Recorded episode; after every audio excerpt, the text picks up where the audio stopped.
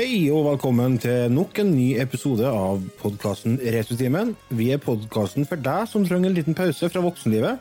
Som eh, kanskje er litt eh, over snittet nostalgisk eh, anlagt, eller som bare har eh, generell interesse for popkultur. Hvis du har lyst til å støtte oss med noen kroner, eh, så er det bare å gå til patreon.com slash retrotimen. Vil du følge oss på Facebook, gå på facebook.com slash retrotimen. I dag skal vi snakke litt om film og litt om spill, som, som vi vanligvis gjør. Men før vi gjør det, så skal vi jo selvfølgelig introdusere oss sjøl. Og det er meg, Lars, og så har jeg med meg en Otto. Hallo. Og en Rasmus. Ja, god dagen. Yes. Vi driver og tester et nytt sånn eh, Vi prøver også å streame litt på Facebook. Vi har egen sånn Patron-gruppe eh, som brukes til sånn eh, forsøkslaboratorium. Der vi driver og tester litt. Så nå har vi ordna en sånn eh, stream der vi Vårt ansikt, eller vår video, er inni en sånn Game Watch-spillmaskin fra 80-tallet. Så det er litt kult. Det må dere hive dere med på hvis dere er Patrion. Ja, det, det er ganske tøft. Hvor Jeg mange- merker litt på tuppene angående hvordan det funker. Hvor mange hangouts, hangouts har du åpen eh, nå, Rasmus? Eh, sånn i nettleseren så er det ikke så mange, men eh, jeg har i OBS så finnes de uh, Ja, altså de finnes da, på en måte uten at jeg har dem åpne. Så de eh, hentes inn gjennom det programmet vi bruker, og så sys de sammen, og så fyker de ut på eteren. Det er ganske fantastisk. Du er veldig flink til å forklare med hendene, Rasmus. Ja, det, det regner jeg med lytterne også la merke til. Gestul hva heter det? Gestikulering er jo fantastisk eh, virkemiddel når det kommer til podkast. Men du. Rasmus, ta retta opp litt der. Få se hvilken T-skjorte du har. Ja. Retrotimen podcast. Ja, du har fått skjorta, ja. ja, ja. Passa nesten òg. Nei, den passa fint. Ja. Har du, Supert. har du lagt deg ut? Ja, vi skal ha vekst, vi skal ha vekst i. Ja. Var det ikke enig om det når du skulle sende den? Ja, jeg var kjempefin skjorte. ja, men det er kult. Vi har en del faste spalter som vi bruker å være innom. Og kanskje den fasteste av alle de faste spaltene Spaltene, hei, jeg er fra Verdalen. Spalte, sier jeg da. Det er den her spalten, og den heter for Hva har du gjort siden sist? Så jeg vurderer om jeg skal krysse inn pandaen. Det her blir jo ikke bra. Så Jeg ble kontakta av en bekjent, og han hadde 160-170 laserdiskplater. Hva heter det? Tvangsjakke eller tvangsgenser? Jeg husker ikke hva det heter. tvangstrøye. Tvangstrøye! Genser? Ja, det er enda Hva har du gjort siden sist? Jeg var nede og henta meg et glass med vann i stad. Eh, Jeg tok bare et glass som sto på benken. Å, jeg drikker, og syns egentlig smakte helt greit. Og så nå er jeg kommet til bunnen, og så ser jeg den i bunnen. Og det rart på utsida av glasset? Og så skraper jeg på utsida av glasset. Nei, det, det er inni glasset. Det er brunsaus. Nydelig. Brunsaus. Mm. For det har vi i glass oppi Nei, det, du skjønner det at Nei, glasset sto på benken. La med middagsrestene. Fordi jeg har nemlig for første gang i hele mitt liv Vaska hoppa. stekt steik. Ja, har du det? Ja. Ja da, jeg gjorde det i går.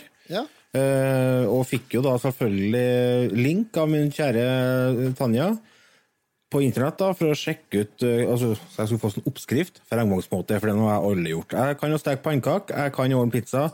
Stort sett det kan jeg. Det er ikke noe annet når det kommer til mat. Så eh, matprat.no tror jeg det var. Ja. Med ja, bra innføring i hva som skal gjøre, både med å rute opp eh, svoren og alt i hop, og gjorde nå det, og så hadde jeg oppi litt for mye vann, så den ble litt kokt, da, for du skal jo, du skal jo dampe det greiene. Eller steika, når du har den i ovnen. Jaha, ok. Ja, det var ikke ferdig netta steik, altså? Nei, jeg var ute i hagen din og stjal med meg ei ku. Ja. Det er gris, Nei. Ja, nei, okay. Ja, nei, for, tenkte, nei, for når jeg hører steik, så tenker jeg sånn som er i en sånn rutete sånn nettingstrømpe. Ja, men du skal rute den for de. Du skal, når du skal ta en kniv, og så skal du Skjøre oss rundt nettet.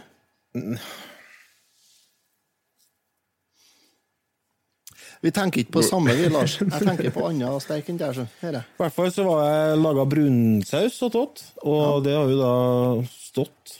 Vi åt opp eh, siste restene i dag, og det har da smitta over på vinglasset mitt. Det har jeg gjort siden sist, og så har jeg spilt Bubble Bubble. Eh, Dere som uh, hørte forrige episode, fikk med seg at jeg driver og jakter high score, og har økt high scoren min fra uh, Når jeg begynte, så var jeg på 300 000, og nå er jeg oppå nest, Jeg var 6000 unna 700 000. Så det går framover. Ja. Det er bra. Jeg prøvde det, og det, det er det er ikke så lett. Nei, du begynner å ha knekt koden nå, Lars. Ja, altså, eh, mye av Altså, dere som aldri har spilt Bubble Bubble, så er det Du styrer en drage som skal fange monster gjennom å blåse bobler. Og eh, alt foregår på én skjerm, med forskjellige plattformer som du kan stå på og hoppe og sånne ting. Og mye av trikset med spillet er å finne rett startposisjon på hvert brettet. Ja. Har jeg begynt å finne ut. For hvis du gjør det, så kan du dra unna de aller fleste fiendene uten å røre deg så altfor mye. Og ja, når du begynner å få til det, så går det framover også. Mm. Og så er det jo det at hvis du tar og fanger all, eh, flere fiender i bobla, og så sprenger dem samtidig, så øker jo poengsummen eh, potensielt, er det, tror jeg? Eksponentielt. Eksponentielt, ja. Du får 1000 for første inn, så får du 2000 for uh, nummer to. Så får du fire, så får du åtte, så tolv Nei, fire, åtte, 16, 32, 64. Så det, men det er ikke eksponentielt, da. mm, nei. Det dobles bare. Ja, det Det, er det. det, det er flaut når man skal liksom slå på stortromma og bruke fremmedord, og så viser det seg at man bruker helt feil ord. Helt Feil ord. Ja. Hadde jeg, vært, hadde jeg vært flink ingeniør, så skulle jeg retta på det hardere enn det der, men jeg føler meg på tynn is Er du sånne ting. nå. ingeniør? Ja. Ja. Det er kult. Er det vanskelig å bli ingeniør? ja. Men eh, hvordan kan, de, hvordan kan det være det hvis du har kommet gjennom nåløyet som eh, en middelmådig ingeniør? Du skal jo huske at jeg har brukt hele livet mitt, da. Hver Hele livet ditt. Nei, men sånn type All den fritida jeg hadde, var jo gikk jo med til å få til de greiene der. Det var jo så vidt det gikk. Så Vi har jo hver vår hyll alle i hop her i livet, enten om vi finner det eller ikke. Otto, da? Ja. Flirer du av visdommen min? Ja, nei, nei det, altså, det var fornuftig sagt, var det bare at uh, Ja. Nei, uh, nå skal du høre. Uh, det jeg har gjort siden sist Jeg vil si det er jo vinterferie nå at våre håpefulle små som går på skole.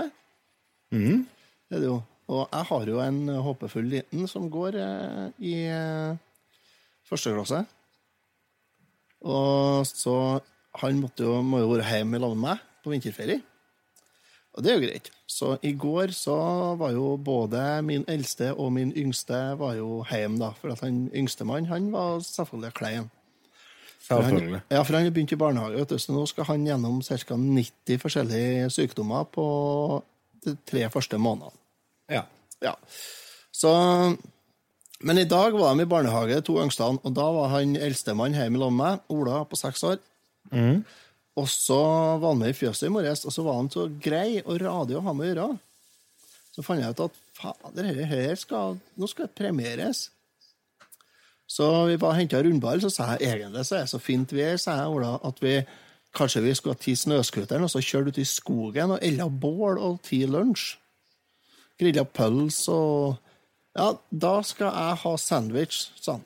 Da skal jeg ha sånn kake som er to brødskiver som er klaska i hop, og så er de skrevet på skrå én gang, og ikke delt i fire, sånn som du bruker. pleier jo å skjære dem i fire, eller, eh, Otto? Til ungene, ja.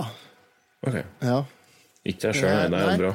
Bare vent du, til du blir kjønnsvond. kjølsvond. Ja, det kommer en eh, likkeradd i huset her, Også. Er du det? Skal du Ja. ha barn? Vel. Eh, familien har bestemt seg for å anskaffe seg En en valp til. Og kvalp, ja. Ja. Ja, for Nå dere har bare, en bare, eh, fire liten hunder. ragg. Nei da, det gikk da i vei noen, dessverre. Så ah, ja. ja. Da må man få til en ny. etterfylte vi med, med en eh, Skal vi se hvor gammel han er. Tre år. Svær som en okse og kør svart. Så nå har vi to, så, så kommer det en til nå. Hvilken rase? Det er pointer. Å, Ja. peker. Kult. Fuglehund. Ja da. Ja. Lett å ha med å gjøre. da. Må ikke du renne mye heller, dem. Nei, ikke helt. Annet. Krever ikke noe aktivitet. Hunder skal være stor og svart, og så skal de ligge i sofaen, og så skal de være i hvert fall 55 kilo. Og så skal de ha brune øyebryn. Ja. Så skal det være rottweiler. Nei, nei, men tilbake til Ola og meg. Nei, eh, Så vi tok snøscooteren, og så kjørte vi eh, ut i villmarken. Jeg er jo en fjellets mann, må forstå. Så vi kjørte ut i villmarken. Vi kjørte den, eh, vi kjørte ikke så langt. Vi kjørte den eh, 20 minutter, ka- kvarter 20 minutter, kanskje. Sånn at eh, vi var fremdeles innpå ute i hagen her, var vi jo. Mer eller mindre. Så eh, vi var borti vi var inne på vår eiendom, da. Og der elda vi bål, og så kom det noen naboer bortover og drakk kaffe sammen med oss og greier. Ja, kosa oss. Da satt vi og kosa oss eh, oppe på Gjøskassmyra, Trivelig. på Evjberget. Artig med litt scooter, da. Ja, det var fint. Og så, så fint vær, vet du. Det var jo knallblå himmel og kjempegreier. Så det var jo Ja. så fint. Altså, Påskeværet fikk vi jo, fikk vi nå. Ja, vi gjorde det. Begynte Påska blir jo ikke noe særlig. nei, begynte å regne til vi skulle hjem, da. Så det ble jo riktig påskestemning, ja. Vi fikk jo Vi har en egen chat for patrions, og en av våre patrions bor på utafor kysten av Møre. Og han sendte jo melding forrige uke om at det har vært tosifra antall varmegrader. Og jeg 18,3 grader. Ja, og det trodde ikke jeg noe på, og det jeg var bare tull. Så så jeg i avisa i dag at det faktisk har vært 19 grader eh, på Mørekysten en plass. Ja, Det er helt tullete. Vi skriver 19. februar. Ja, 19 grader, det er jo varmere enn Kypros. Det heter Golfstrømmen uti der, vet du. Åh, Ja. Ottos eh, perler der, altså. Det, han skal gi ut bok nå til, til våren, der han har samla sin visdom. Det blir ei lita sånn blekke på en tre-fire sider. Du får kjøpt den via retrotimen.no. ja. Ble han fornærma? høre etter når en gammel gjøy. Ja, det er noe med det gamle hund. ja. Ja, det sa han tidligere i vekka, han skal høre etter når gammelhund gjør. Da sier jeg det kommer han på det om gammelhunden er blitt så gammel at han er blitt dement eller ikke. Ja, du må se an situasjonen, vet du. Oh. Men det var besett hvor du har rota opp i skogen din. Det så jo ikke ut opp igjen. ja. Nei, vi måtte jo ha noen tørrkvister, så vi var samla litt tørrkvist til, til bålet. Så det var litt avfall til det som lå der, som en Lars Sagda syntes vi måtte støvsuge han, da. Nei, Jeg sa ikke støvsug, jeg skal hente kost på brett. Ja. ja. Lars, er ikke så, Lars syns skog er så trivelig. Han koser seg hver gang han ser skog han på TV-en. Jeg elsker å være ute i skogen, jeg. Jeg gjør det. Det er bare så sjelden eh, jeg er der. Men eh, seriøst, jeg elsker å fiske, og jeg er glad i friluftslivet. Lars, Det er bare at jeg er så jævlig lat.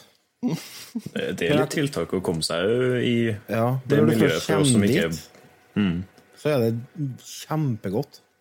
er litt Det- heldige som bor i, et, eh, i en skog, egentlig.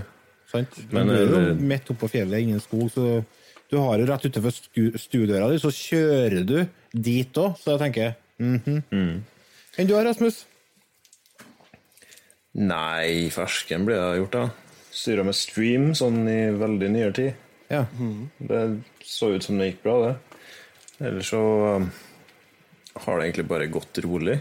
Ja. Det har noen venner på besøk på søndagen nå. Da spilte vi litt uh, Guts and Glory på Steam. ja. Hva er det for noe? det? Det, er et fjaspill av en annen verden. Åh. Der, eh, det er i stor grad basert på at eh, fellesskapet, altså dem som spiller det, lager baner sjøl. Oh, ja. Og så har du et sett med karakterer som du kan drive og kjøre gjennom forskjellige typer hinderløyper. Okay, er det en type plattform? eh, Ja, det kan være det. Det varierer litt på hva folk lager. 2D Så eller du har 3D? for eksempel 3D, Oi! med mye sånn såkalt ragdoll-fysikk. Ja. ja, men det er artig, da. Og store mengder sagblader og automatiske armbrøst. Og Egentlig så er det et flash-spill, altså. Ja, det er noen som trekker paralleller til Happy Wheels, tror jeg de kaller det. Ja. Uh, Det er Altså, er- rullestolgreieren. Ja. Ja. Og så er det veldig mye Når du, når du blir truffet av sagblader, da, så ser det ut som man skulle tro.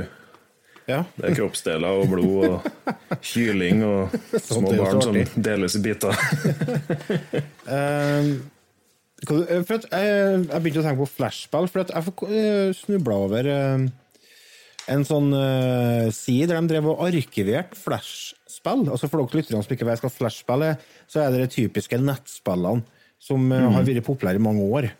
Uh, og nå er det en gjeng som har uh, samla sammen kjempemye uh, flashspill, og så ordna det i en sånn egen pakke.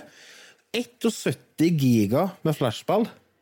Eh, hvis, du, hvis dere går på bluemaxima.org slash flashpoint, så kan dere laste ned Du har muligheten til å laste ned bare liksom grunnpakken. Den er på 357 megabyte, og så kan du bare gå inn i programmet og så bare laste den ned det du vil, det du vil spille. Eller så kan du laste ned hele pakken. da, Den er 71,5 giga. Så det er, det er jævla mye spill. Og det er jo mye som er drit. Selvfølgelig er det, men det er faktisk mye av det som er veldig artig òg. Du, Lars, ja. jeg tror vi har et eh, episodetema der, altså. Flashspill, ja. Ja, absolutt. Det hadde vært artig. Så det, det er jo få typer spill som er mer utsatt for å forsvinne og gå i glemmeboka enn flashspill. Ja. Så det er bra noen faktisk eh, tar et steg eh, nærmere i forhold til bevaring av For det er jo på en måte en kulturarv her òg. Man kan jo på en måte se i utvikling fra starten og fram til ja, i dag. og og mange har nok minner til veldig mye av de flashballene òg. Altså, jeg, jeg glemmer ikke det Hva heter det? Uh, uh, Pingvin... Elf, eh, Elf Bowling. Ja. har en pingvin som eh, blir, blir, blir, blir sli av en sånn isbjørn, og så er hun om å komme lengst? Det står en isbjørn med sånn balltre.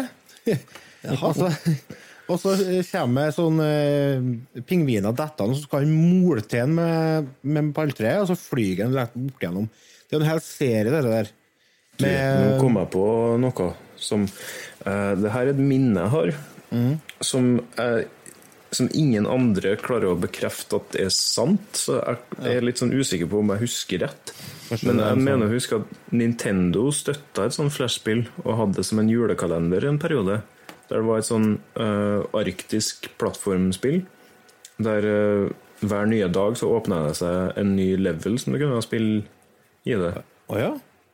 Um, det, ringer ikke med, det det ringer ikke en bjell til meg, altså, men eh, det høres ikke usannsynlig ut heller, liksom. Men, Nei, men Elf Bowling Elf Bowling er jo flashball, ikke sant? Det er jo to forskjellige. Og De er faktisk gitt ut på Gameboy Advance, tror jeg. Ja. Det er jo likeens med dere eh, det jeg snakka i stad om, dere isbjørn, det er jo faktisk gitt ut som PC-spill, i tillegg til at det utgangspunktet var et nettspill. da. Altså, vet du, Vi skal ta en episode om flashspill, skal vi gjøre, for det, der tror jeg nok vi kan finne mye artig. Helt sikkert. Helt sikkert. Ja. Nei, men jeg kommer ikke på noe annet jeg har gjort i det siste. Det er sikkert et eller annet, men eh, Det, men det var bra, det. ja. Ja, men Vi kan da sprette videre. Skal vi sprette videre til ukens spill?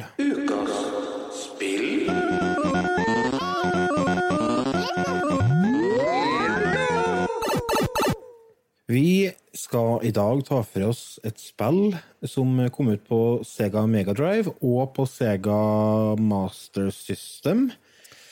Det er da Dick, Dick Crazy. Dick, Dick Crazy. Tracy. Dick Crazy, ja. Ja, Dick Tracy, ja. ja. Det er jo en Eh, amerikansk tegneserie. tegneserie, egentlig, Ja. som var skrevet og tegna av en Chester Gould. Fra 1931 til 77. Er det franskmann, eller? Nei, jeg tror det er amerikaner, jeg. Ok.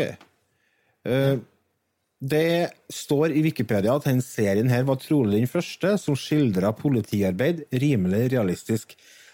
Jeg har ikke sett tegneserien, men jeg ser for meg at den er litt mørk. Eh, Ja, eh, han har jo Den er litt mørk. Eh, også det, det er veldig sånn Veldig skurkete skurker. ja. Det er karakterer, alle slemmingene. Skikkelige karakterer, ja. Og Itchy og Big Boy var vel to navn. ja, det er og Pruneface, tror jeg han heter, gjerne inn. Svisketryne. Og, og så er det en som heter noe med øyenbryn. Ja, det. Kan det sammenlignes med film noir-bølgen? Den var, jo, de var jo kanskje ikke på 30-tallet, men det var i hvert fall fra 40-tallet og fremover. Kanskje. Jeg har ikke lest noe mye Dick Tracy sjøl, men det kan, kan kanskje sammenlignes litt, Ja. ja. Var, det, var det tegneserie eller Det var, tegneserie, det var tegneserie, ja. Ja. Mm. stripeserie. Ja. Sånn avisstripeserie. Han var jo Men det har kommet film òg. Ja, kom film i 1990. Warren Betty, det, vet du. Ja, stemmer det. Warren Med- Berry som drev og tulla med dama til Axl Rose. Ok, Madonna. Også, Ja, Madonna, ja. Eh, Hvordan var det? Jo, han øh, i hvert fall, Husker dere det? Nei, dere husker ikke. Men i 1992 så var det en sånn pay per view der vi fikk se konsert med Guns Roses live fra Paris. Og der husker jeg han har en sånn uh, tordentale fra scenen, han godeste Rose, da. Der han uh, annet snakka om Warren Berry.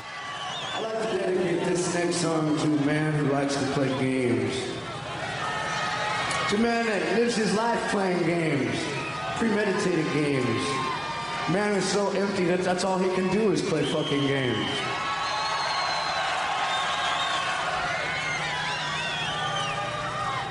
A man who's a parasite.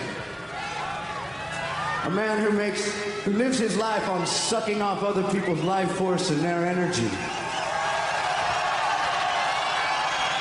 An old man who likes to live vicariously through young people and suck up all their life because he has none of his own. I'd like to dedicate this song to a cheap punk named Warren Beatty.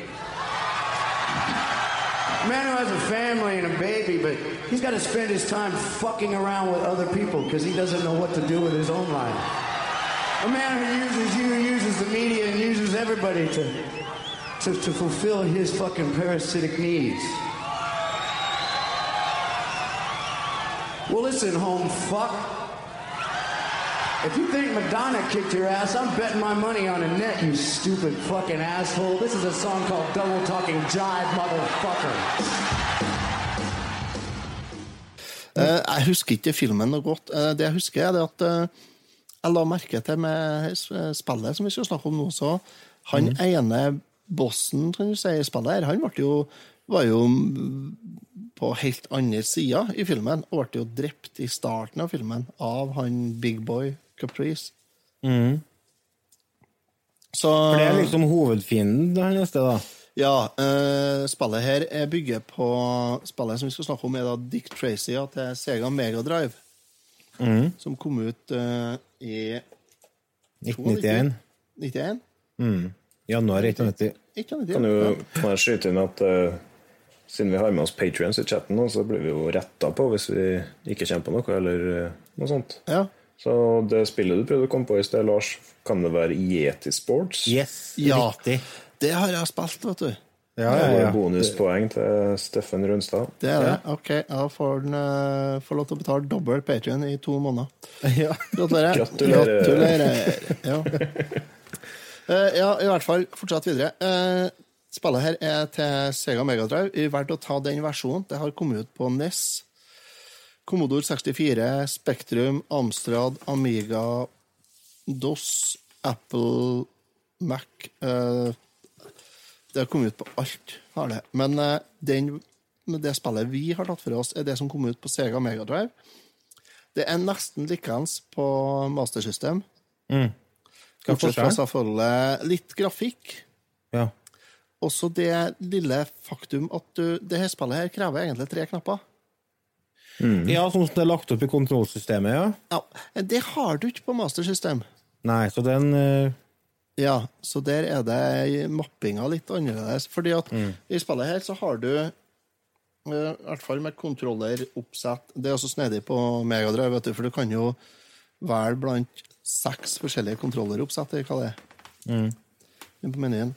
Eh, med A eller knapp 1 Heter de 1, 2, 3? Heter de ABC? ABC. Det er ABC, ja. ja. Eh, I hvert fall A er vanlig pistol. Da skjøt du framover, eller Du hadde skjøtt framover. Altså, det her er jo en, det her er jo en eh, en sidescrolling actionspill Ja. som, som pussig nok eh, der, der handlinga utspiller seg i to Kan en si at det er to dimensjoner? Er det Ja, det kan du, fordi at, fordi To at plan, vil jeg heller si. To plan, ja. Nei, det, si. altså, han går, det går jo innover. Han skjøter jo innover i skjermen, så det vil Ja, jo det. Det blir to dimensjoner. Eller, Ja, det blir det. Det blir det, for det er dybden. I hvert fall, du men det har er kun kulene som går i dybden, da. Ja, det er det. Eh, det, er det. Du, du beveger deg bortover på ei flate eh, i førstebrettet i en by. Så kommer det slemminger springende imot deg og kommer bakenat. Og dem kan du skjøte. Der skjøter du med A-knappen, og så hopper du med B-knappen. Og så må du skjøte dem, og hvis de kommer for nære, så skjøter du ikke, da slår du ned dem. Ja. Og så I tillegg så kommer det folk i bakgrunnen som skjøter etter deg. Da Ja. bruker du C-knappen. Da har du en sånn Tommy gun, et maskingevær, Mm. som du heller inn C-knappen, og da bruker du Da flytter du sikte, kan du si, da, med D-paden. Mm. Gjør det. Ganske fiffig, fiffig måte å gjøre det på, syns jeg. Ja, de utnytta jo konsollen, er, er, kontrolleren fullt ut, da. Mm. Var ikke det noe lignende på SNES også? Wild Arms, hvordan funker det? Det vet jeg ikke. Wild Guns. Wild Guns, kanskje? Jeg har ikke prøvd det. Er det noe? Jeg kommer ikke i haug. Er Jeg husker i hvert fall at du skjøt Jo, jeg lurer på om du skjøt i, på en måte, i to plan der òg, for jeg husker blant annet i en sånn setting der du, det dukker opp sånn skurker i et sånt hus framom deg, altså innover i skjermen. Og da skjøt du oppover, og så ja, Det er så lenge siden jeg spilte det, så jeg husker ikke, men jeg har sånn vage minner. Styrer du karakteren der, da styrer du ikke bare siktet? Nei, jeg tror Ja, du styrer det, styrer figuren òg, ja. Er det? Ja, jeg er litt usikker. I tillegg så har du jo sånn bonusbrett på dette spillet her, da. Der du, Mhm. på Megadreven der det dukker opp tre sånne pappfigurer. Der det kan det være to slemminger og en uslem, ikke sant? Og da har du A, B og C, da, som eh, bestemmer hvem av dem du skal plaffe ned. Og da får du ekstra liv. Ja, det kan jeg godt hende. Ikke jeg. Syns du det var vanskelig? Nei, jeg, var, ble, eh, jeg syns de så bad ut alle hop, egentlig. Du er ikke god til å plukke ut skurkefjes. Men jeg plaffa ned i avisbudet en par ganger, og så han eh, Er det er ordføreren, tror jeg, eller politimesteren eller noe sånt, og han fikk jo selvfølgelig litt juling. Ja. Så, Ja, fikk sett det til. juling, ja. En fjærskauten. Og er Ja, ja. Så, men det må jo være greit, tenker jeg. Det, Han vet hva han går til når han blir med på denne. Ja, altså det var bare pappfi, pappfigurer, så det, Ja. det må jo være greit. Ja. Men det, det skal, nå skal jeg si humoren. at jeg, har, jeg skal innrømme noe med en gang. Jeg har kommet til den bonusbanen bare én gang. Ja, ja for spillet er For, ikke enkelt. Dæven, det er vanskelig. Det er vanskelig, og litt øh, øh. Grunnen til at det er så vanskelig, er for at du, du kan ikke du, For det første så kan du ikke gå og skjøte samtidig. Jo, mm, nei, det kan du ikke du må, opp. du må stoppe hver gang du skjøt. Så det vil si, og så kommer jo veldig mye fiender hele tida. Ja, så det tar det- lang tid å komme seg framover. Men spilte dere på medium eller easy eller har dere? det? Jeg tror jeg skrudde ned til IC, altså, siden jeg har brent meg så mye på det der før. Ja. Ja, jeg starta på medium, og så gikk jeg til easy når jeg fant ut at spillet den er jo bare drit, tenkte jeg. Den orker ikke jeg bruke tid på. Og så så jeg hei, jeg kan jo velge vanskelighetsgrad. Og Ja. Da gikk jeg ned på easy, og da ble det litt mer håndterbart igjen. da. ja, det ble det, men dæven, det var Progresjon i vanskelighetsgrad, den var rask, altså. Ja, det var det. Selv på Easy. Ja, men jeg merker det. Altså, det, altså, det er ganske eh, typisk Megadrive. Du har start, og så hvis du går ned på options, så kommer du inn på, og så får du velge mellom easy, medium eller hard. Og så får du justere hvor mange continues du skal ha i tillegg. Da. Og d- jeg, gjør det nesten hver gang. Altså. Jeg går inn på jeg går inn på options, og så skrur jeg til enkelt, og så setter jeg på så mange continues jeg får. Ja. Men easy det er jo Amerika, og så har du medium, som er Europa, og så har du hard, som er Japan. Japan. Og egentlig så er spillet bare laga med kun hard, og det er normal eh, vanskelighetsgrad i Japan. Mm. Japan er autister alle i hop, nemlig. Ja, de, Ja. Det, har vi, det har jo Nei, kommet men, fram, det med eh, at eh, alle vokser jo opp med det der fra de eh, kommer ut. og Ja. Men altså, Fødehølet. spillet er jo Det går an å lære seg det, så det skal jo gå an å få et til. Ja, ja, ja. Men, Jeg syns det funka bra, altså. Det var responsivt, så det holdt. Mm. Ja, det var det. Det var veldig tilfredsstillende å, å spille, egentlig. Jeg, Sånn syns spillet gir deg den tida du trenger for å reagere. Det er bare det at den tida blir veldig kort ganske fort. ja, Ja. den blir det, Men det blir ikke sånn urettferdig kort, merker jeg. Men du, vet du hva jeg oppdaga for noe? Jeg var satt og kikka på På denne pakningen, syns jeg. På dette coveret til spillet. Ja. Og hvis dere ser på baksida, hva står der? Der står det uh, Vanskelig å se, kanskje? And to To players. players, 16-bit cartridge. Én til to players? Det er det det. Hvordan, får- ja, hvordan får du til to player? Koble på innan spake, sikkert. Ja, det er meget mulig at spillet ikke viser to player options med mindre du har kobla i en kontroller nummer to. Eller at du skal trykke eh, start på når du spillet har begynt. Player to, kanskje? Ja, kanskje Ja. det. Eh, For det, er, for det er jo som du sa eh, tidligere i vekka, Otto, at eh, du kunne tenkt deg å spille dette som toplayer. ja, to player på en arkade. Ja, for det er jo sånn typisk arkadespill Ja, det er det. Det her er en coin catcher, altså. Ja, det er det. Så hvis, vi- hvis vi finner ut hvordan vi får til toplayer på, så må vi jo selvfølgelig teste. Tenker jeg, da. Ja, det syns jeg vi må. Skal vi Ja, høre litt av musikken, kanskje? Ja, har du en smakepit? Smakepit. Taste pipe.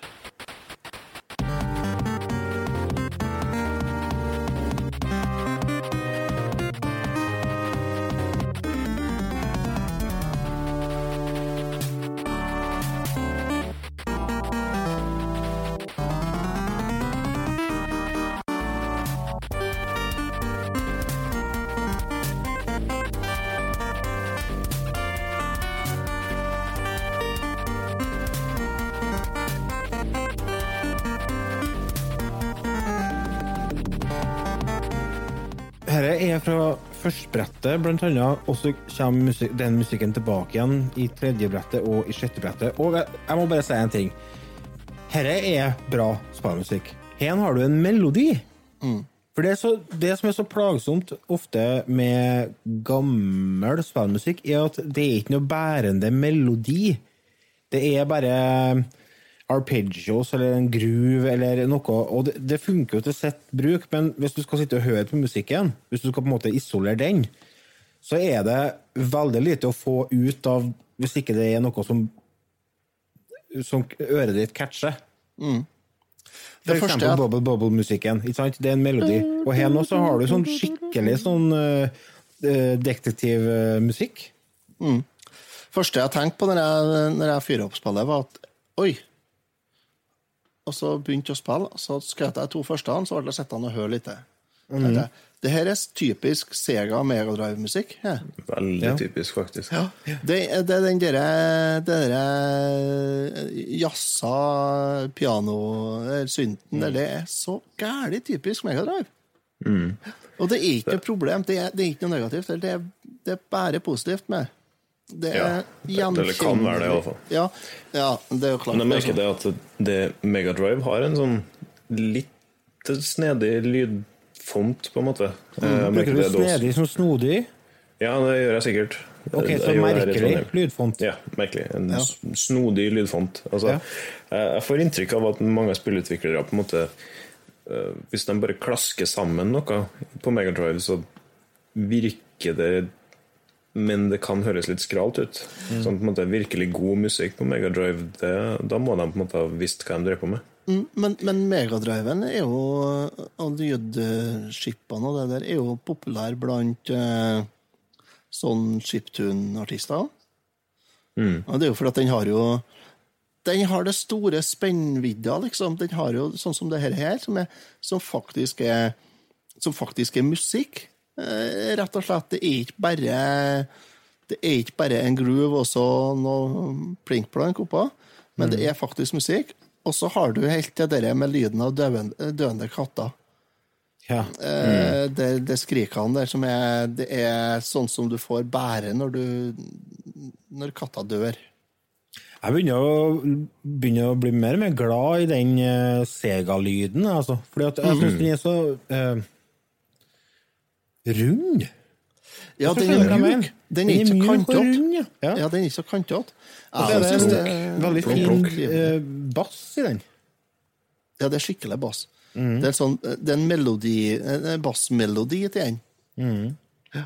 Det er samme på outroen, for eksempel, når du får eh, Hvis du får den FM-lyden til, til outroen på Mm. mastersystem. Fantastisk eh, musikk og, og sånt, og det er vel den FM-skippen de bruker i en, på en del av Megadrive-spillene. Ja. For Megadriven har jo både mastersystem og Megadrive eh, ja. Har den jo. Ja, for du kan eh, spille eh, Master System-spill på Megadrive, kan du ikke? Jo. Det. Men som base converter så kan du det. Hva syns du om grafikken, da? Dugelig. Den funka, den, altså. Jeg tenker, Henne hen var i 91 Super Nintendo har ikke kommet ut ennå, hen.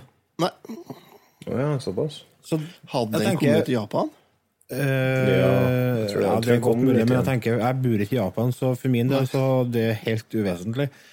Men uh, for hvis du sammenligner henne hen med det som var på en måte vanlig i den tida, da, så er det, det er ganske heftig. Det er nydelig grafikk på det, egentlig. Ja. Hvis du går fra å fint, va- være eh, vant til å spille Super Mario 3, for eksempel, ikke noe galt med Super Mario 3, et av verdens beste spill, men det er ganske stor forskjell i forhold til grafikk og farger. Og skygger. Altså, det er ganske detaljert, altså. Ja, så vil jeg også peke på det at jeg syns det var ganske sånn kompetent eh, designa. Jeg hinta jo til det litt i sted, men eh, det er det for eksempel at det, det hender seg at du på en måte står på sida av skjermen, og så kommer det et skudd fra sida som du ikke klarer å se. Ja. Men i stor grad så kommer fiendene rullende inn på uh, f.eks. i forgrunnen, før, og så plukker de opp pistolen, og så skyter de. Og da har du egentlig ganske god tid til å på en måte ja, Skjøt og tok. skjøt og dukk, eller dukk og skjøt. Eller hopp. Ja. Ja. Hvis du er skikkelig bedre, så hopper du over kulene. Problemet der er det at jeg hopper eh, på, på feil tidspunkt. ja, du hopper inn i Nei, skuddene, ja. men Jeg hopper, og så lander jeg oppå kulene. Og det Ja. tør- det tøles ikke. Nei. Nei. Jeg lærte meg et Du lite har, triks. du har en sånn energibar, da. Ja, du har det. Du har en energibar, så det er ikke sånn one shot kill her, da. Nei, det, Heldigvis, da. da har det, blitt litt det håpløst. vanskelig. Det har blitt litt håpløst, altså. Ja. Så de tøyer jo strikken litt i forhold til hvor vanskelig det kan være.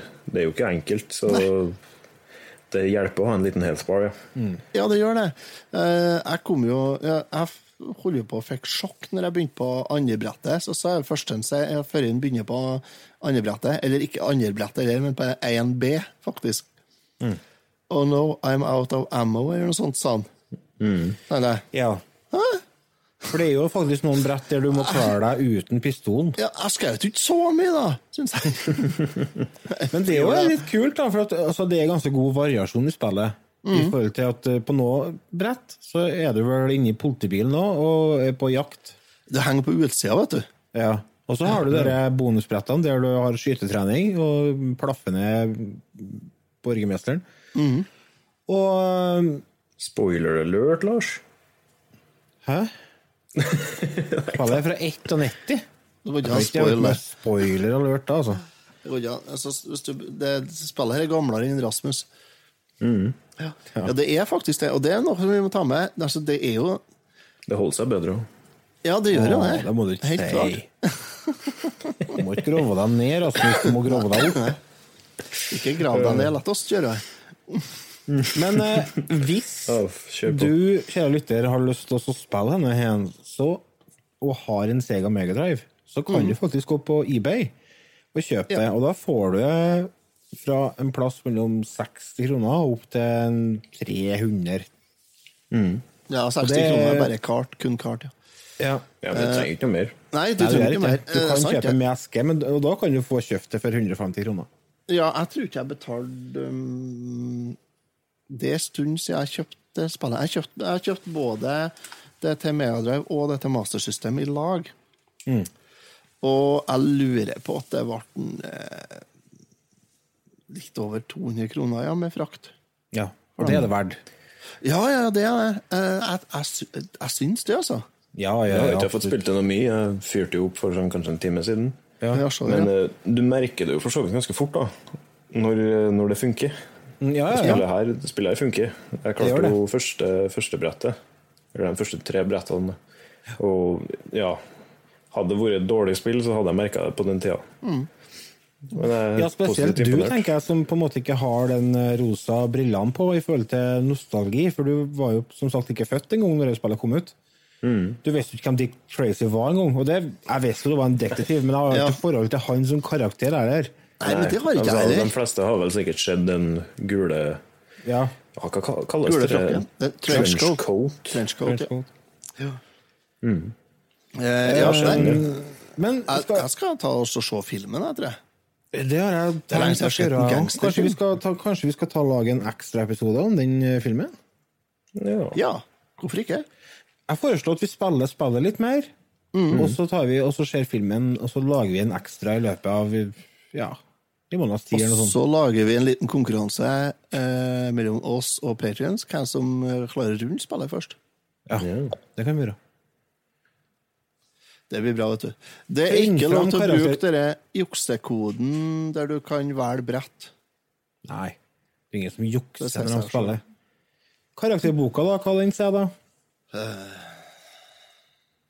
Jeg for min del har ikke spilt det nok til å, å på en måte gi en karakter som bør eh, Som eh, skal veie for mye, for å si det sånn. Så, men jeg skal spille mer, for jeg syns det har potensial til å bli et veldig bra spill. Så for min del så får en spillet en, en G og det er ganske bra, for for et par dager siden så dømte jeg spillet nord og ned, og syntes det var drit. Og nå syns jeg det begynner å bli at ja, henne hen er jeg faktisk gira på å spille mer. Så G pluss meg, fra meg. Ja. Nei, det er ikke så mye mer å si, egentlig. Jeg har jo spilt sannsynligvis mindre enn det. Men eh, det, ja, det er som jeg sier, jeg merker at det der funker ganske bra. Og det, det er artig å spille det, siden det utfordrer deg litt, og du blir å følge med, og så havner du på en måte i sonen. Og det er noe som er litt artig med sånne actionspill som krever litt av deg, syns jeg. Og, no, og så merker du også at når du er i sonen, så går det veldig bra. Ja, ja, så det er bare det å, å holde seg i sonen, og i de tilfellene der det blir ekstra mye stress, og så begynner det å dette litt ut, da, og så bare «Å, Nei, nei, nei, nei, nei, nei. Ja, det, ja, det er en bra følelse. Så når du får den følelsen, så skal spillet få en G pluss, ja. Ja. Otto, da? Ja, eh, jeg var jo Jeg var ikke For å si det rett ut, jeg trodde det her skulle være et skikkelig skitspill. Ja, Hvorfor, hvorfor foreslo du det da? For det var Jo, du som foreslo å spille Ja, det var det. Jo, fordi at jeg trodde det skulle være Men så hadde jeg liksom Jeg mangla en Jeg mangla en, eh, en grunn til å ta fram med å spille. Ja, da er jo en Ja. podkasten igjen ypperlig. Ja, den er det. Jeg har jeg gjort før òg, med suksess. Mm, Faktisk har eh, har jeg brakt fram spill som jeg har hatt uh, lyst til å sette meg ned og spille, og så Og så viser det seg jo at de, de er jo faen ikke så verst. Jeg tenker det at hvis jeg har vært hvis jeg har vært 13 år nå i dag, og så hatt dette her vært et av mine eh, seks spill på konsoll, så tror jeg jeg har naila det hele. Det her jeg har faen meg kommet gjennom, ja. Det er jeg helt Ja. sikker på. For det, for det er så bra at det er verdt å bruke eh, Det er verdt å spille framfor mye annet, altså. Ja, det er det. Så jeg, jeg er jeg hiver meg med på denne G pluss. Jeg tror det har muligheter til å komme opp, eh, opp på megheten. Har det. Ja, hvis det jeg fortsetter med, fortsetter med variert level design og litt uh, ting som man ikke venter, så kan det funke ganske bra. Dere. G pluss over hele linja, der altså. Uh, vi skal ta en liten kjapp pause. Når vi kommer tilbake, så skal vi snakke om en eh, film, eller ei bok, som ble til en film, som ble til en TV-serie. Vi er straks tilbake.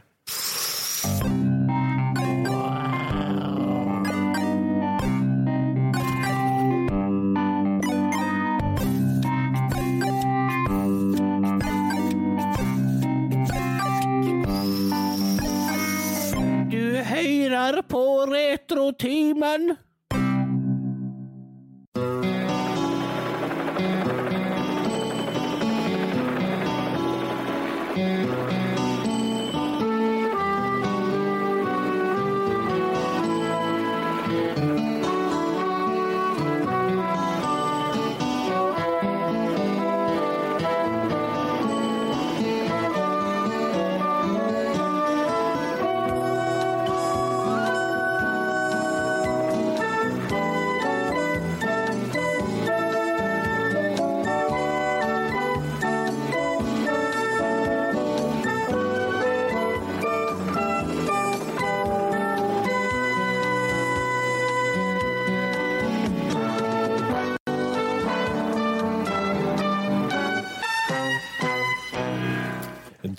Tilbake igjen, og den sangen dere hørte nå, er egentlig en sang som har tekst.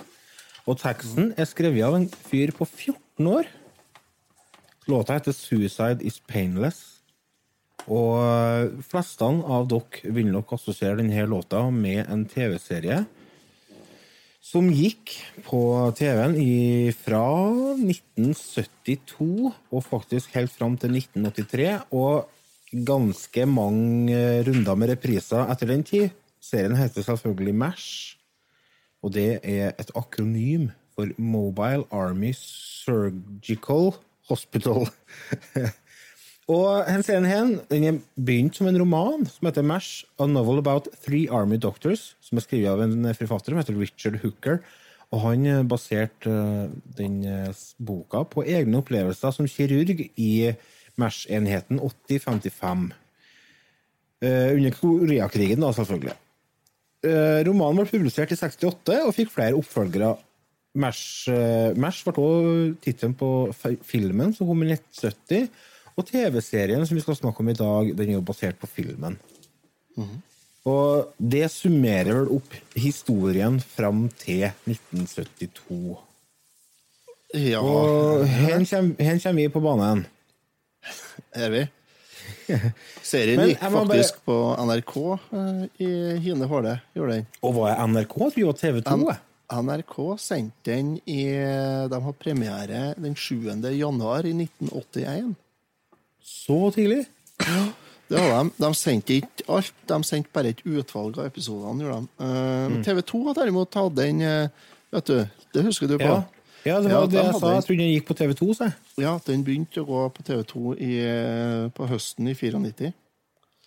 Ja, Oktober det kan du 94. fortelle meg. Det får jeg til å stemme, ja. Fordi at uh, jeg, jeg husker ikke noen ting fra 1981. Ja. Altså, mulig jeg husker en par ting, men jeg var jo bare to år. Så da er nok TV 2 som, eh, som jeg har uh, et forhold til. Den ble sendt på TV2 Sebra fra 2010, så det er ikke eh, mer enn ni år siden, siden den ble sendt på TV sist. da. Eller de starta på TV sist. Ikke? Den serien, eh, den sangen vi spilte, 'Suicide Is Painless', den er jo blant annet covra av flere artister. Men når jeg tenker serien, så tenker jeg sangen. For det er på en måte det som jeg huska best fra serien. Det var den nydelige melodien. Og så han, eh, Alan han som, Alda. eh, ja, Alan Alda, som spiller karakteren Hawkeye. Han spiller da en uh, sykepleier uh, i en sånn militær uh, leir i Kirurg, Korea. Ja. Kirurg. Ja. Ja. Potato, potato. Potato, Ja, potato. det, det tror jeg ikke. Hvis du, du har sagt det at en, at en kirurg, så tror jeg ikke han har vært helt enig med eh, da har jeg fått smakt uh, skalpellen. Skalpellen. Skalpellen, ja. Heter det. Belleoperasjon. Ja. Altså, Det er, jo en, det er jo en bekjent av meg som også er elektroingeniør, og hvis man kaller en elektriker, så blir han oppriktig sint. sa jeg det? Ja, Folk er så helt ja, altså. Det er like folk, også Hvis de kaller meg for barnehagetante eller barnehageonkel Jeg flyr ikke flint, jeg. men sånn, det er ikke lov å kaste, kalle vaskehjelp for vaskehjelp lenger. De er renholdsassistenter. ja. Å, er det ikke bare renholder nå?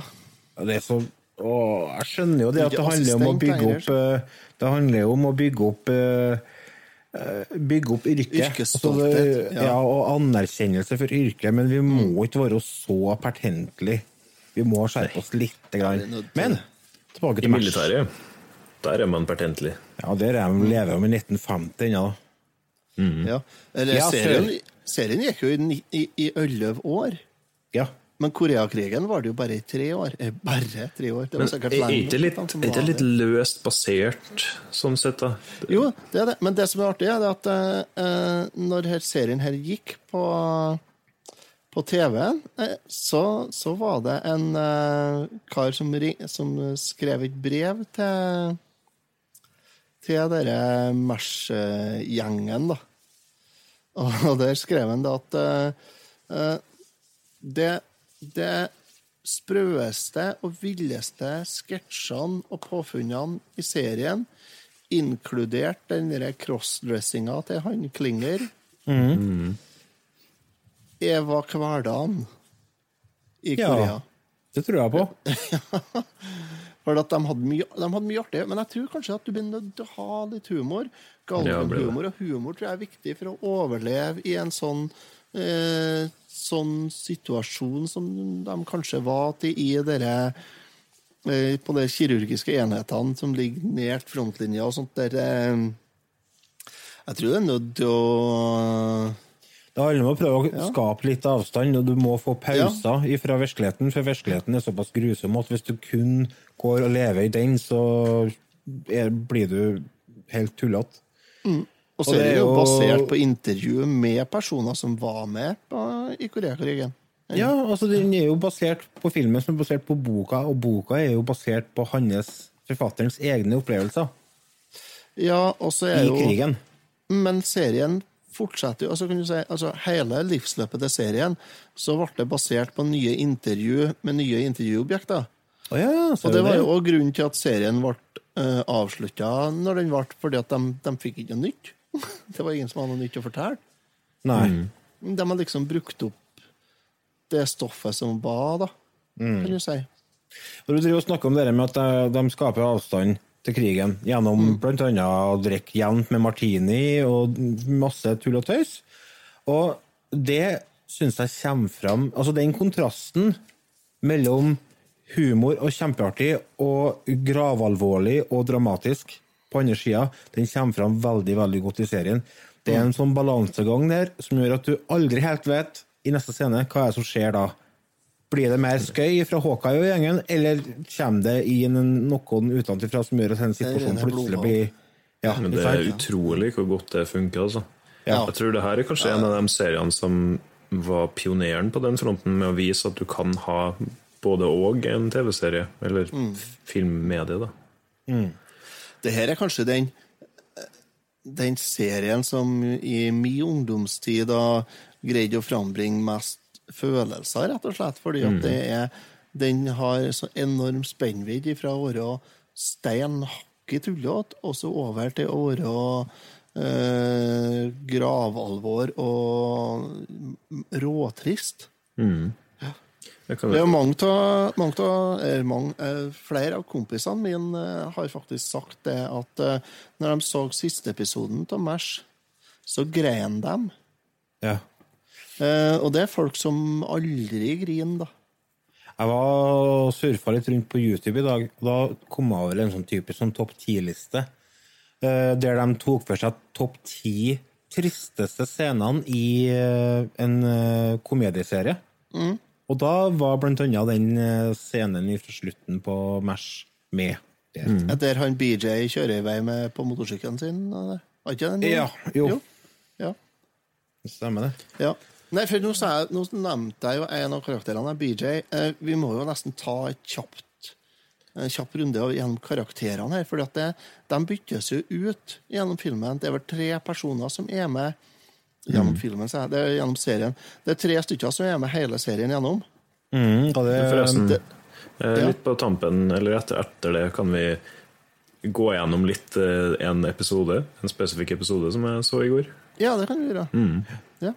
Så Den var, ja, det var en fin en. Men ja, karakterer. Ja. Karakterer. Du har hovedrolleinnehaveren, uh, mannen som står bak serien, og som har styrt egentlig hele serien med jernhånd. Det var jo Alan Alan Eh, Hawkeye Pierce.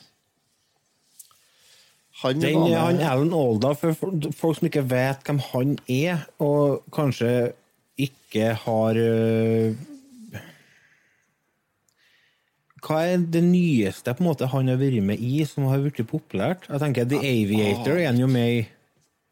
Jeg tror ikke jeg har sett Ja. den i noe annet, egentlig. Nei eh, Men jeg tenker, hvis du googler Alan Alda, så kommer det fram et fjes kommer fram et fjes som det er gans, Jeg er ganske sikker på at dere har sett den før. altså. Mm. Er med blant annet i den øh, Mel Gibson-filmen What Women Want. Det er for så vidt en Mm. koselig, fin film som er verdt å sjekke ut. Og så som sagt The Aviator med Leonardo DiCaprio i en hovedrolle der. Og ja, han har en lang liste over filmer som, øh, som han har vært med i. Men Ja. eh, ja, han er jo hovedkarakteren her. Også én av tre som har vært med helt fra starten og fram til siste episoden, som kom ut Ja. i 1983. Ja, så har du Loretta Switt, ja. som liksom spiller øyemagneten i serien. Hun er eye candy i serien, ja.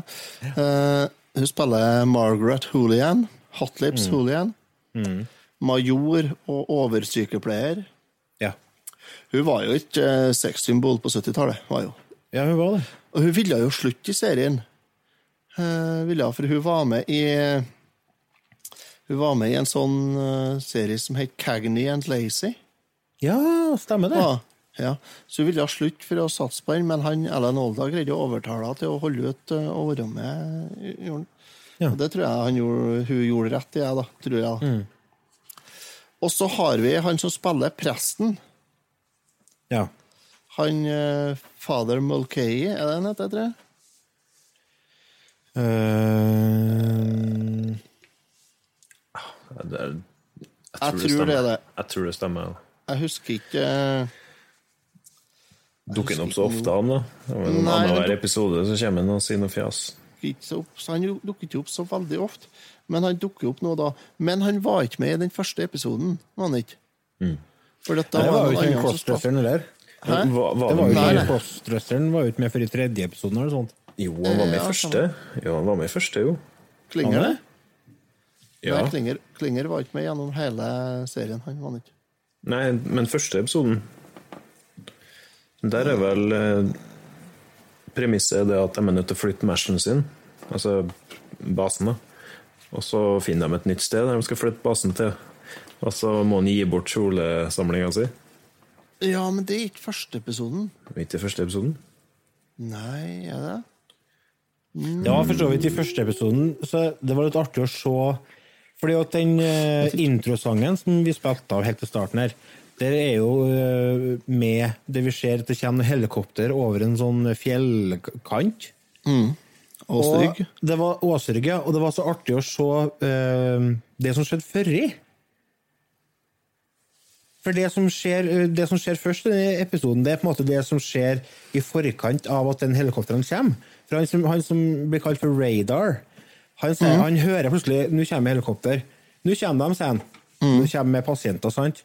Og så andre han ser jo ikke ennå, for at uh, han Raider han er jo uh, Han har syvende sansen. Ja. Ja.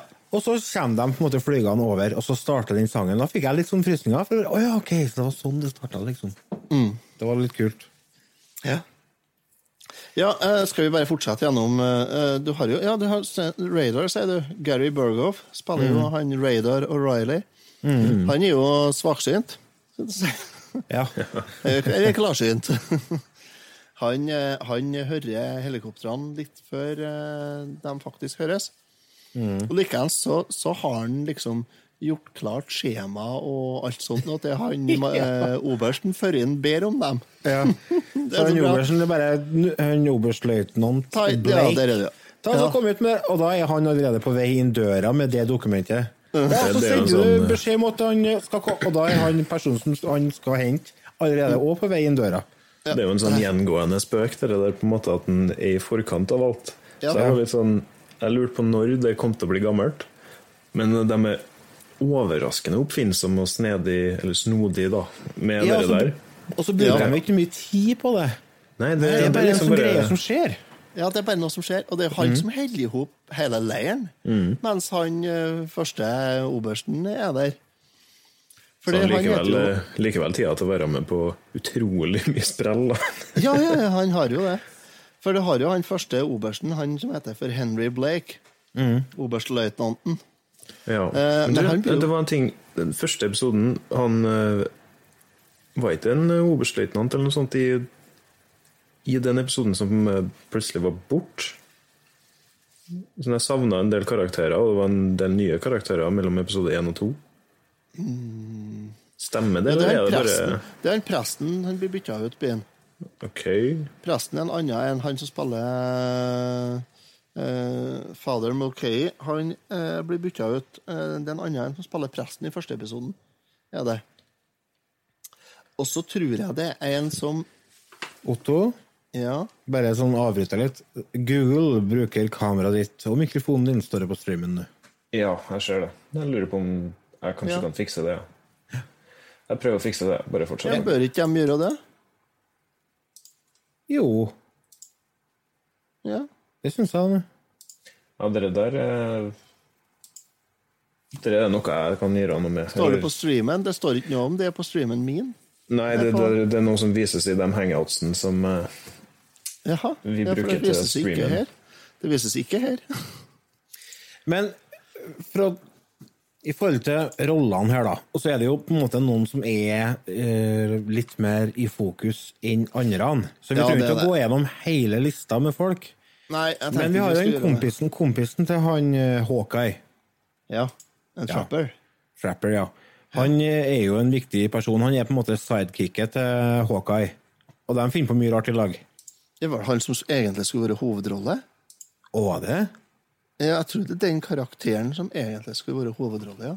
Ja. Men han eh, Alan Alda mm, gjorde om det, han. Han spiller jævlig bra i serien her også. Han gjør det, eh, og han får virkelig utnytta det. Mm. Eh, ja, så nei, han er, han er god. Han er det, altså. Er det noen andre av karakterene som bør trekkes frem, da? Major Burns. Ja, Major Burns, ja. Major Burns, det er så bra, det. Mm. det er sånn Det er ordspillet, vet du. Oppi alt det. Eh, Sånn Og så er det at han smått heter jo mindre intelligent eh, type. Doktor. ja, Husker Slitsom. dere husker dere mellomnavnet hans, da? Eh, nei. Marion. Nei. Major Marion Burns. Han heter Franklin Marion B- Burns. Og det er jo, For det er jo en episode de finner ut at han heter Marion til mellomnavn, vet du. Ja, ja. Og da begynner jo Å ja, så du heter Marion, du. Så bra. Jeg så, eh, så den episoden der eh, han eh, Major Burns han, han blir så jævla forbanna på Hawkeye, vet du.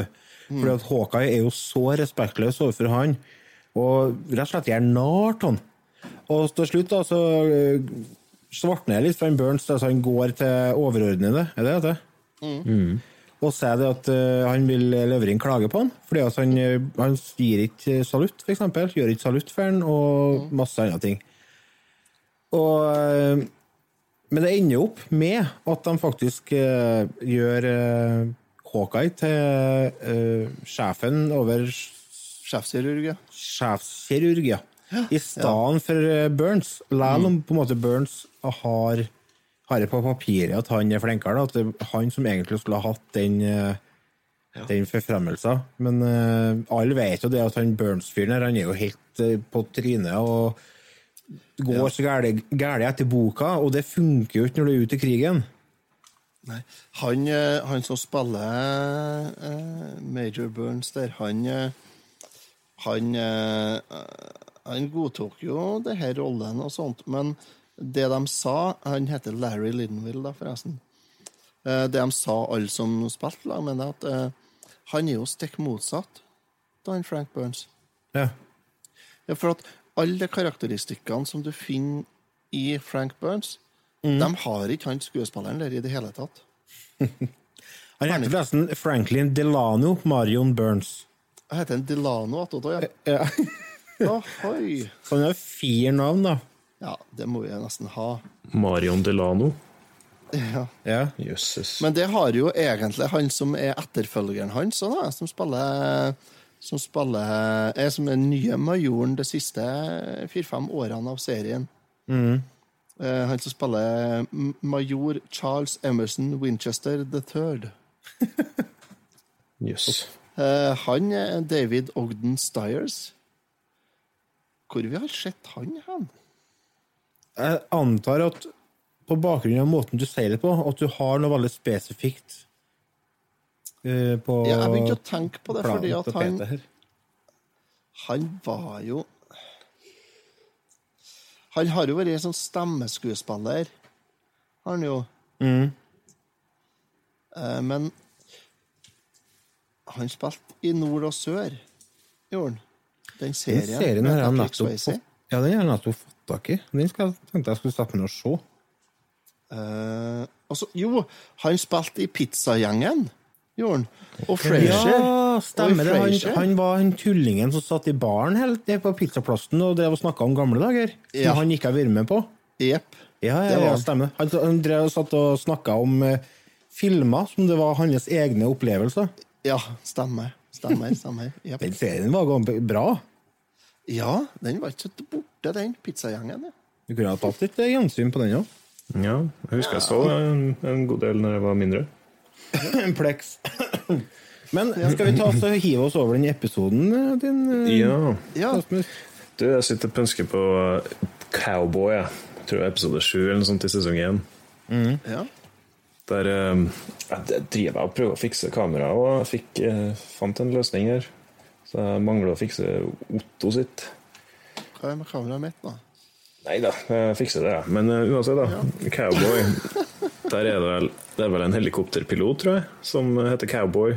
Fordi han er ganske cowboy, med sånn handlebars og hele pakka. Stemmer. stemmer. Han bør være skutt i skuldra eller noe sånt, så han må inn på intensiven. Også, Er det han som er litt rasist?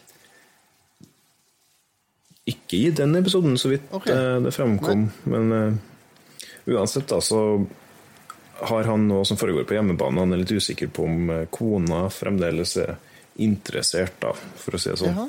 Ja. uh, Så han har veldig lyst til å komme seg hjem en tur. Og det der blir etablert og fremstilt, og, og så går egentlig livet videre. Samtidig som han eh, majoren, han Henry, begynner å rakne litt. Og begynner å bli litt sur og nekte å la dem dra på rekreasjonsreise osv. Så, videre, Ja. så, så de prøver å muntre ham opp litt, mens, eh, men så skjer det jo seg litt, siden ting begynner jo å eksplodere. Husker dere episoden? Eh, Nei, jeg tar ikke den ennå, nei. Eh, Først så tar de majoren ut på eh, Ja, han skal spille golf. Og så Ja. blir jo golfkula skutt. Og så seinere så Ja. Hva er det som skjer, da? Ja, det kommer ei bil som triller gjennom teltet hans på natta. Og så eksploderer det mens den går på dass, og så begynner den å bli litt nervøs. da Så folk begynner jo å holde seg unna den. Ja. Og så skal han på rekreasjonsreise sjøl, altså han kaster fra seg nøklene. Etter å ha informert han eh, Major Burns om eh, hvordan han skal gjøre ting mens han er borte. Og så eksploderer stolen som han kaster nøklene på. og, og det som er så fint med episoden, her er at de legger det opp sånn at vi som kikker på, vi vet heller ikke hva det er som foregår. Hvorfor Nei. driver ting og eksploderer? Så hvis man følger med litt, så kanskje man klarer å pusle det sammen, men det blir ikke eksplisitt forklart. Er. Så det ender med at han skal på rekreasjonsreise. Da. Så han cowboy eh, melder seg frivillig til å fly. Flyven? Mm. Åh, Og akkurat da skjønner jo Pierce og hva heter han, Trapper, at eh, å faen, det er, det er kanskje cowboy. Så da finner de masse eksplosiver og sånn i personlige eiendelene hans. Og da slår jo episoden fullstendig om fra å være rett og slett noe av det artigste jeg har sett på TV på lenge, til å være rimelig alvorlig. Så da skal jo cowboy sparken ut av helikopteret uten fallskjerm. ja da. Men nei, det er ikke der han eh, Han, han slutter. Nei, det er seinere, det. Er det. Nå glemte jeg jo for så vidt å nevne det viktige. Da. Det, han cowboy er sur på majoren fordi at han ikke lar han få gå hjem på perm og finne ut om kona fremdeles er interessert. ja. Ja, så det er det som er grunnen til at cowboy driver og sprenger ting der. Ja, ja, Ja, jeg så den episoden i går. Herregud, jeg koser meg. Nå sier du majoren, men du mener selvfølgelig oberstløytnanten. Ja, colonel. Ja. Colonel Henry Blake, var det vel. ja. Men, men hva er det som gjør at han eh, Var du ferdig, Rasmus? Ja, det tror jeg. Ja. De må ordne biffen, da. den- Hæ? De fikser biffen, da. Ja. De får tak i en på radio og uh, ja, får et brev fra hun kona. Hva er det som gjør at denne serien klarer å fenge en person på 15 i dag, Rasmus?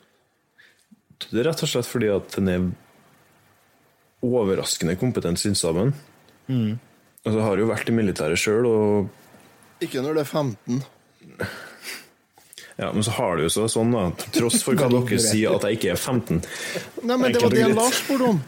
Lars spurte, ja, Lars spurte om hva det er som får en treneren her til å fenge en på 15. Ja, men siden dere drømmer med meg for at jeg er så ung, Ja, så regner jeg med at den automatisk mente meg. Ja, det var det jeg gjorde. du? Ja, ikke sant? du gjorde det? Ja, ja, ja.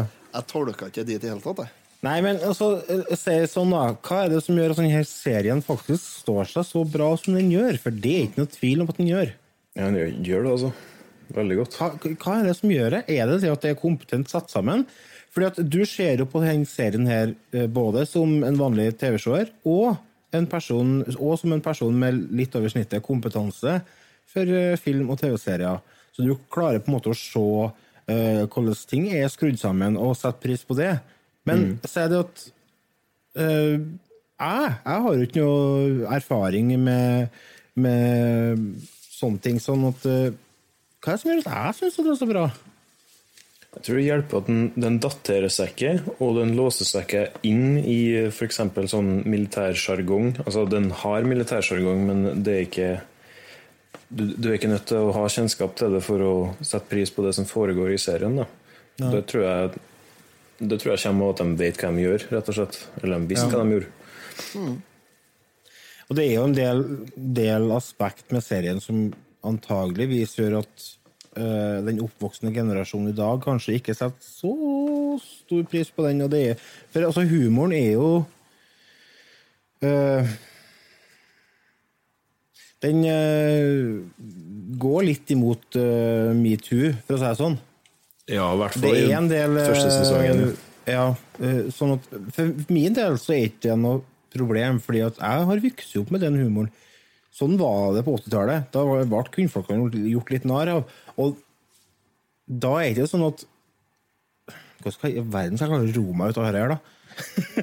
Nei, men jeg skjønner ikke hva du mener, da. Nei, altså, jeg er har litt, meg- eh, Jeg beit meg litt merke i det at eh, altså plutselig fra episode 1 til episode 2 så ble jo hun Major Hoolihan Hun ble veldig ja, kall det objektifisert, da. Ja, sant. Og litt sånn klassisk skrevet, i motsetning til sånn som hun fremsto i den første episoden.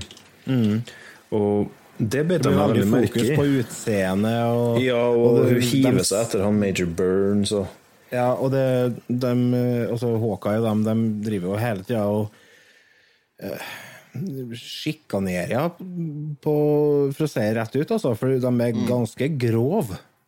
Men så er det, Men må du huske på at du må, jo sette, det- må, må jo sette til 50-tallet. Ja, Og men samtidig så går han også litt imot. da. Altså, En Ja. av de episodene jeg så i går, der var det jo en, en annen offiser som kom til leiren som hadde tidligere forhold med hun, hun Hot Lips. da. Mm. Og da roter de jo han inn i en sånn en liten felle der han eh, blir lurt og tror at hun har kommet inn i teltet hans. Ja. Og da kjører de jo et sånn seksuelt overfall-spinn på han for å få han til å ikke stjele med seg han eh, kirurgen, han Pierce. ja. Theo var jo først og fremst veldig smart skrevet, men også en sånn interessant tematikk å ta opp. da, så Den ble presentert respektfullt, Ja, det, for det, det blir jo tatt opp uh, en del tema som er alvorlige. Altså, det Mm. har jo òg fokus på rasisme, blant annet, i, i noen av episodene der uh, Ja. De virkelig viser at det er ikke greit, liksom. Heltene våre de eh, fremstår som eh, gode mennesker som ikke er rasistiske. Og det kreves et når du er i krig på 50-tallet, og ikke være rasistisk. Ja. Ja, Det blir jo slått hardt ned på i kort og konsist format, syns jeg. Eh, Det er jo en som bare Det blir ikke lagt noe vekt på det heller, men han nevner Han sier gooks. Ja. Guling, liksom. Da tar jo hovedkarakteren og sier at uh, vi liker ikke ordet der 'skjerp deg'. Så enkelt var det, og så gjorde ikke de noe mer ut av det. Nei. uh, Han altså, det- det driver er en og dater ei sånn dame Han Håkay driver og dater ei dame som eh, plutselig begynner å snakke om gooks, da. Og da liksom bare skifter en helt uh, oppførsel og sier at 'jeg vil ha tilbake handa mi'. Du er en person som har veldig mange fine sider, men det er noen aspekter som gjør at jeg aldri, aldri vil se deg igjen. Få tilbake vinflaska mi. Og så gjør det sånn Rekker tungt til dama, så går han ut av teltet. så det er ganske Ja, kjempebra. Ja, de tar opp en del ting. Altså, det er en ting som som de kanskje tok opp uten Når det kommer til rasisme og sånt, som, som de tok opp uten at det blir lagt så mye merke til. Og det at i de første episodene så er det med en, eh, en svart kirurg Ja. som har seng inne i teltet der, vet du. Mm. Sparechuck eller noe sånt. Da. Han ble skrevet ut av serien, og den senga ble kun brukt av gjester, prominente gjester etterpå. Ah, ja. Ja, så. Fordi at det fantes ikke svarte kirurger i Korea. Ja. ok. Okay. Men jeg tenker det er jo en måte å, å vise uh, sitt syn på det, og uten å Ja, han kunne ha latt han være, syns jeg jo. De kunne ha latt han være. Sånn, ta for eksempel hvis en skulle bytta ut uh, Hvis en skulle satt en uh, James Bond-film på 70-tallet og hatt en undercover i, Russ, i Russland, f.eks., da har det jo ikke funka. Så du har jo sånne begrensninger som jeg kan forstå om de tar hensyn til.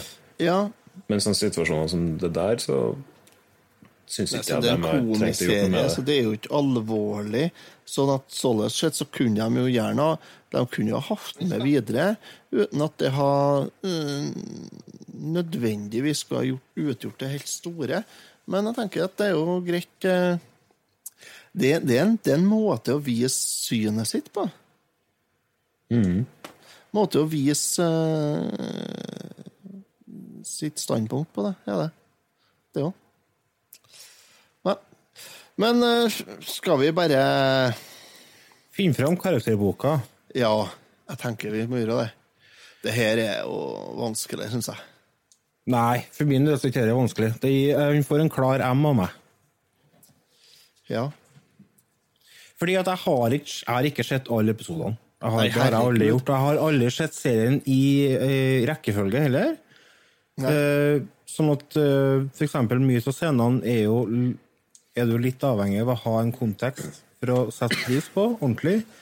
Og sånn at eh, Ja, det, det en blir det. eh, god M fra meg er, er en bra karakter, som garantert eh, vil ha muligheten til å vokse hvis jeg velger å se gjennom alle episodene. Men du, du som har sett litt mer av det serien enn det jeg har, eh, blir det sånn at det er litt mer eh, store historiepunkter, sånn som bør ja, utspiller seg over flere episoder, eller er det litt mer sånn selvstendig Ja, jeg, episode? jeg skjønner hva du mener, men eh, det er vel hovedsakelig en episoders historie. Men med Mm. å bli mer kjent med karakterene, så vil du på en måte sette enda større pris på det som skjer. Så skjønner hva jeg mener. For det er jo en Ja. karakterutvikling her òg, selv om de er De er ikke kjempesammensatt, figurene, men eh, de vokser jo på det. Og ja. Ja. Så deres handlinger vil jo på en måte påvirke deg i mye større grad når du kjenner dem bedre. Ja. Det er jo Du sa det, Lars, at du har ikke sett hele serien. Eh, vi bruker jo en del tid med å si, for å forberede oss til Retrotimen. Ja. Uh, selv om det kanskje ikke ser sånn ut bestandig, så gjør vi jo det. Men uh, det her serien her, skal jeg nevne så Det glemte jeg ikke å si, da, men det er jo elleve sesonger av 251 episoder. ja. Og en vanlig ordinær episode varer 25-27 minutter. ja. Så det er 120 team. Den siste episoden varer faktisk i to og en halv time. Ja Så er det jo. Nesten like lang som den podkasten, det. Ja, vi er jo på 120, vi er jo på over 120 timer. Altså Driver du 120 timer bruker ikke vi på å forberede oss til podkast. Men nei, nei. jeg skal gi karakter. Ja. Jeg gir en klar meget. Mm.